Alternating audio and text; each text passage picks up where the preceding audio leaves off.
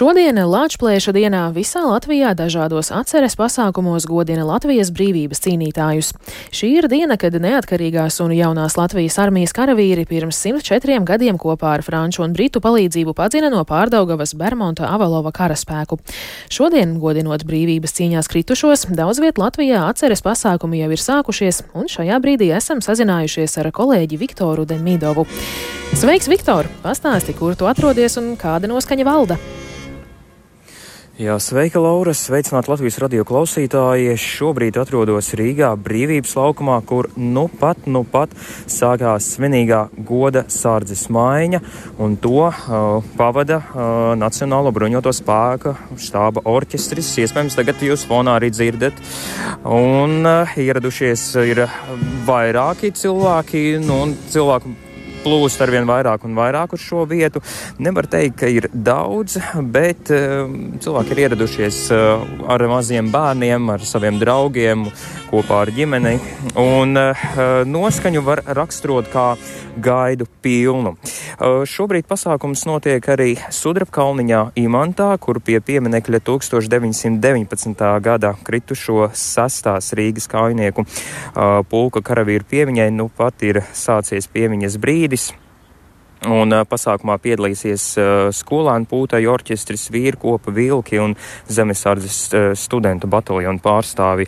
Savukārt pie pulveru torņa jau no uh, deviņiem rītā visas dienas garumā ir apskatāmas divas bruņu tehnikas, br divas bruņu, divi bruņu transportieri, Latvijas un Kanādas.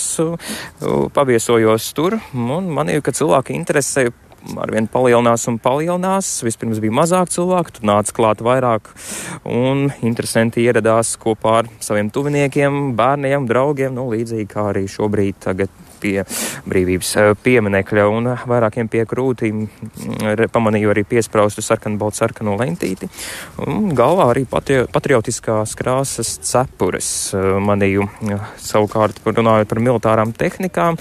To var ne tikai apskatīt un fotografēt, bet arī pat ielīst iekšā un apskatīt, kā tā ir aprīkota. Ko cilvēki par to vispār saka un kāda ir noskaņa Lāčplēša dienā, to lūdzu noklausīsimies ierakstā. Mēs atzīmējam, jā, pilnīgi noteikti, jo vecmāmas brālis bija Latvijas karodeņa kavalieris Jānis Gulbs. Un šī diena mums ir ļoti svarīga ģimenē. Mēs sākam ar rītu Dompasnīcā un Latvijas himnu. Apciemojam Vecrīgu apskatām arī militāro parādīju. Katrs gadus mēģinājām apmeklēt, svinam kopā. Jā, mēs atzīmējam, bet tā ļoti varbūt ne tā spoži grandiozi, bet ar apģērbšanos, piezīmītas piesprāžam, noliekam ziedus, ejam lāpu gājienos, varbūt šeit tad, bet ne šogad liekam, bet nu, ar mazo bērnu rādam viņam piemēru, jo vīrs ir arī artilērists. Mēs tagad skatāmies izstādi un tad mēs dosimies uz kāru muzeju. Tā kā noskaņa ir priecīga priecīgi, svinīgi un patriotiski. Varbūt arī jaunais cilvēks var pateikt, ko tev nozīmē Latvijas plēšņa diena. Atmiņas karavīra diena. Es Ogļa katru gadu piedalos Latvijas dienā. Eju gaņus lapu un gaņu. Kāpēc atbraucāt uz Rīgu, ja jums ogrē patīk? Pirmā uz Rīgu atbraukt. Sagaidīšu to pie brīnum pienikam, pēc tam braukšu mājas ogles viņus ārējā Latvijas dienā. Vai Ukraiņas kara dēļ, kara Gazā šiem svētkiem ir lielāka nozīme, kā jums pašam šķiet? Es domāju, ka jā, jau konflikts Ukrainā, kas sākās karš, jau tad bija ievērojami nozīmīgāk, tagad vēl pastiprina Gazas problēmas tur Gazas joslā. Man liekas, ka man vienmēr ir bijusi diezgan liela nozīme. Tas tikai vienkārši vēl nostiprina to pārliecību par to, cik svarīgi šo visu atzīmēt un piedomāt, tomēr atzīmēt kaut kā tos svētkus īpašāk varbūt nekā agrāk tas ir darīts, bet tajā pašā laikā. Jā, es domāju, ka daudz mums ir stiprinājis to pārliecību, un man tas pilnīgi noteikti ir tā. Es domāju, ka jā, es domāju, ka cilvēki būs vairāk arī vakarā, bet katru gadu jau daudz vecītas noliek. Tā kā man liekas, tie svētki mūžam iet cauri arī padomu laikos viņi bija. Tālūk cilvēki par notiekošo pie kara muzeja un runājot arī par notikumiem vēl Rīgā, tad Bāriņu ielā pie atjaunotā uzvaras parka no pieciem vakarā notiks Lāčplēša dienai veltīts pasākums uzvaras parka simtgadēju un notiks Rīgā arī tradicionālais lāpu gājiens. Tas par notikumiem Rīgā, bet vai vari pastāstīt arī par notikumiem citviet Latvijā? Jā, protams, citviet Latvijā arī ir gaidāmi ļoti daudz un plaši notikumi. Nu, piemērus uh, minējuši tikai dažus. Nu, balvos notiks militārās tehnikas un ekipējuma paraugu demonstrējumi sadarbībā ar zemesārdzi un pus sešos uh, vakarā notiks Lāčplēša dienas gājiens, gaismas ceļš. Uh, Ventspils uh, estrādē, esplanādē pie, pie piemiņas stēles Lāčplēša kara ordeņa kavalieriem jau no četriem būs Tātad pulksten četros būs piemiņas brīdis un ziedu nolikšana, un tad pēcāk pasākuma dalībnieki dosies lāpu gājienā, bet pasākums, pasākumi notiks arī, piemēram, Talsos, Tukumā un, un arī Dobelē, bet tas ir tikai dažas pilsētas, ko es nosaucu. Laura? Paldies! Tas bija Viktors Demidovs, kurš pastāstīja, kā šodien tiek atzīmēta Lāčplēša diena.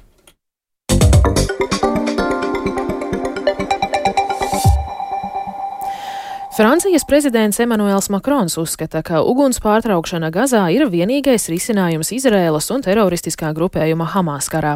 Šādu nostāju viņš pauda intervijā Britu raidsabiedrībai BBC pēc Parīzē notikušās miera konferences. Tomēr pagaidām apšaudes Gazas joslā turpinās. Organizācija Ārsti bez robežām paziņojusi, ka veselības sistēma šajā reģionā ir uz sabrukuma robežas. Jaunāko informāciju ir apkopojis mūsu Briseles korespondents Artjoms Konohovs.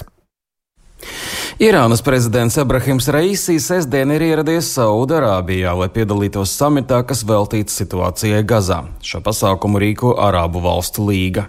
Šie vizīti ir zīmīgi, jo abas valstis tikai nesen ir atjaunojušas diplomātiskās attiecības un iepriekš dažādos konfliktos vairāk kārt ir nostājušās pretējās pusēs. Kā jau varēja gaidīt, Irānas prezidents Gazas konfliktā vainoja ASV. Reisi paziņoja, ka Vašingtona neļaujot vienoties par uguns pārtraukšanu Gazā. Jaunākie dati liecina, ka pēc grupējuma Hamas uzbrukuma Izrēlā bojā ir gājuši 1200 cilvēki un 240 atrodas gūstā. Savukārt Gazā ir nogalināti ap 11 tūkstošiem cilvēku. Intervijā Britu raidsabiedrībai BBC arī Francijas prezidents Emmanuels Macrons sacīja, ka masveida civiliedzīvotāju nāve Gazā nav attaisnojama. And let, let's be clear. I mean, Es gribu skaidri pateikt, ka es biju viens no pirmajiem pasaules līderiem, kurš pēc teroristu uzbrukuma 7. oktobrī piezvanīja Izraels premjerministram un prezidentam. Mēs skaidri nosodām šo teroristisko grupējumu un šo uzbrukumu, kā arī atzīstam, ka Izraēlai ir tiesības aizstāvēties un reaģēt. Bet jau no pirmās dienas mēs sakām, ka šai atbildēji ir jābūt saskaņā ar starptautiskiem noteikumiem, jo to dara demokrātiska valsts.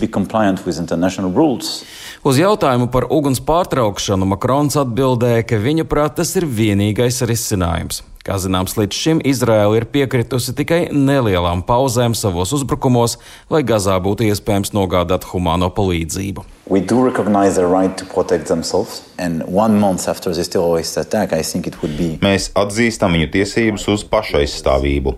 Es nedomāju, ka mēnesi pēc teroristiskā uzbrukuma mums būtu pareizi teikt mūsu partneriem un draugiem, ka mēs viņus nosodām un ka viņi ir vainīgi.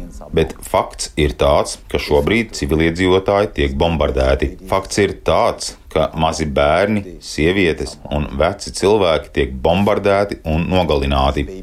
Tam nav nekāda pamatojuma un nekāda attaisnojuma. No no Par humāno situāciju Gazā ir satraukta arī organizācija Ārsti bez robežām. Tā paziņoja, ka Gazas pilsētas slimnīcā esot traģiska situācija. Slimnīca tiek arvien spēcīgāk bombardēta, bet dažus slimniekus, kuriem ir nepieciešamas steidzamas operācijas, šobrīd nav iespējams evakuēt. Tādēļ ārsti bez robežām vēlreiz mudina pārtraukt uzbrukumus slimnīcām un pasargāt medicīnas personālu. Izraels armija paziņoja, ka apzinās situāciju šajā slimnīcā un atkārtoja, ka tā neveic uzbrukumus civiliedzīvotājiem, bet gan tikai teroristiem. Arčuns Konakovs Latvijas Rādio Briselē. Ukrainā šodien atzīmē pirmo gada dienu kopš Helsonas pilsētas atbrīvošanas no Krievijas okupācijas. Neraugoties uz okupantu padzīšanu, Helsona ikdienu pieredze netālu esošā Krievijas karaspēka uzbrukumus. Turpina Uldis Ķēzberis. Ukrainas armijai pērn 11. novembrī izdevās atgūt Hersonu, ko Krievija okupēja pirmajās dienās pēc pilna apmēra iebrukuma 24. februārī. Pēc okupantu patriekšanas atklātībā nāca Krievijas karaspēka pastrādātie noziegumi, tostarp cilvēku spīdzināšana un izvarošana. Iebrucēji bija spiesti atkāpties uz Dņepras upes kreiso krastu, no kurienes viņi regulāri apšauda Hersonu ar artilēriju, raķetēm un droniem. Hersonas apgabala vadība ir brīdinājusi, ka pilsētas atbrīvošanas gadadienā Krievija var pastiprināt uzbrukumus Hersonai.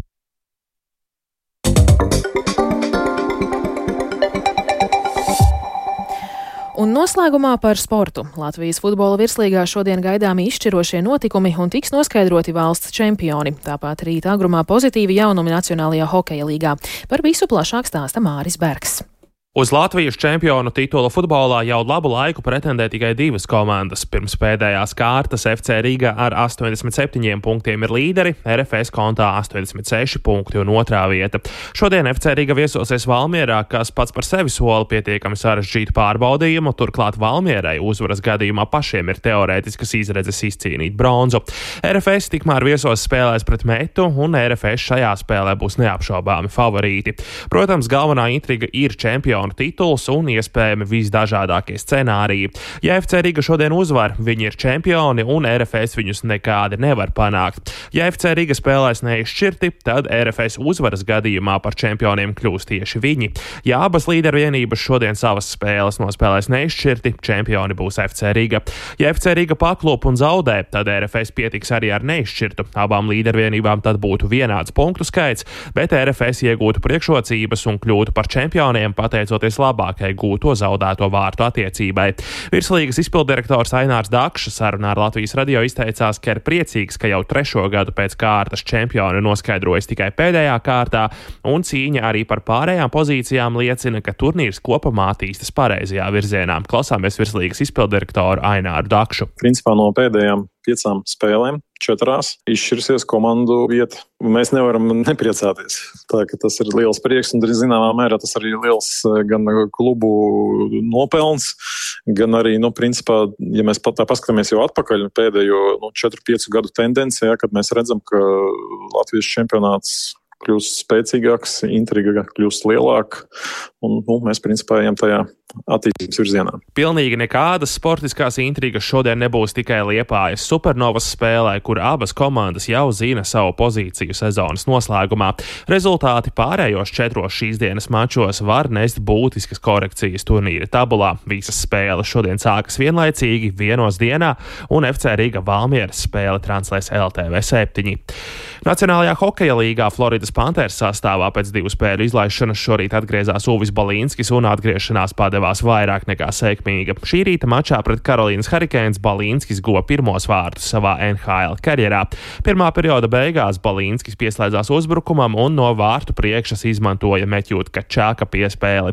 Visā mačā Florida svinēja uzvaru 5-2 un Balīnskim pozitīvs liederības koeficients plus 2. Turpinājumā klausāmies Uvi Balīnski. Yeah, for uh, me, my family. Tas ir sapņa piepildījums man, manai ģimenei un visiem man apkārt. Tā ir lieliska sajūta. Izskrējām 3 pret 2, Lūsarainēns labi nospēlēja. Kopā ar Kačaku nonācām 2 pret 1 aizsargu, un viņš mani atrada pie tālā staba. Atlika tikai iemest, tas ir neticami.